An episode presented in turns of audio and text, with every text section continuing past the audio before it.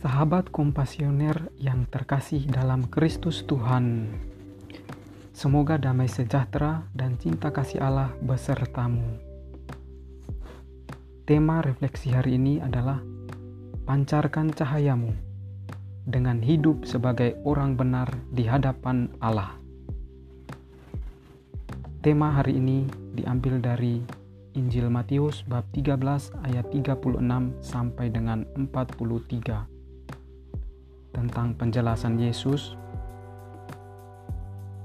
mengenai perumpamaan lalang di antara gandum.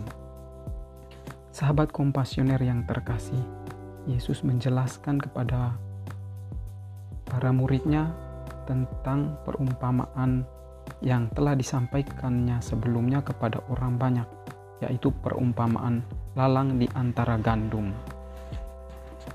Penabur yang dimaksudkan dalam perumpamaan adalah Yesus sendiri, sementara gandum ialah benih baik, yaitu anak-anak kerajaan.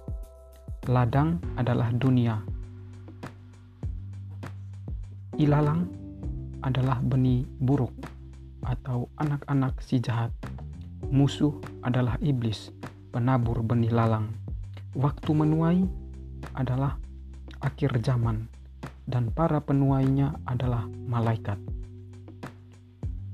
Kalau lalang dikumpulkan, diikat, lalu dibakar, maka yang menyesatkan dan melakukan kejahatan akan dibuang ke dalam dapur api oleh malaikat.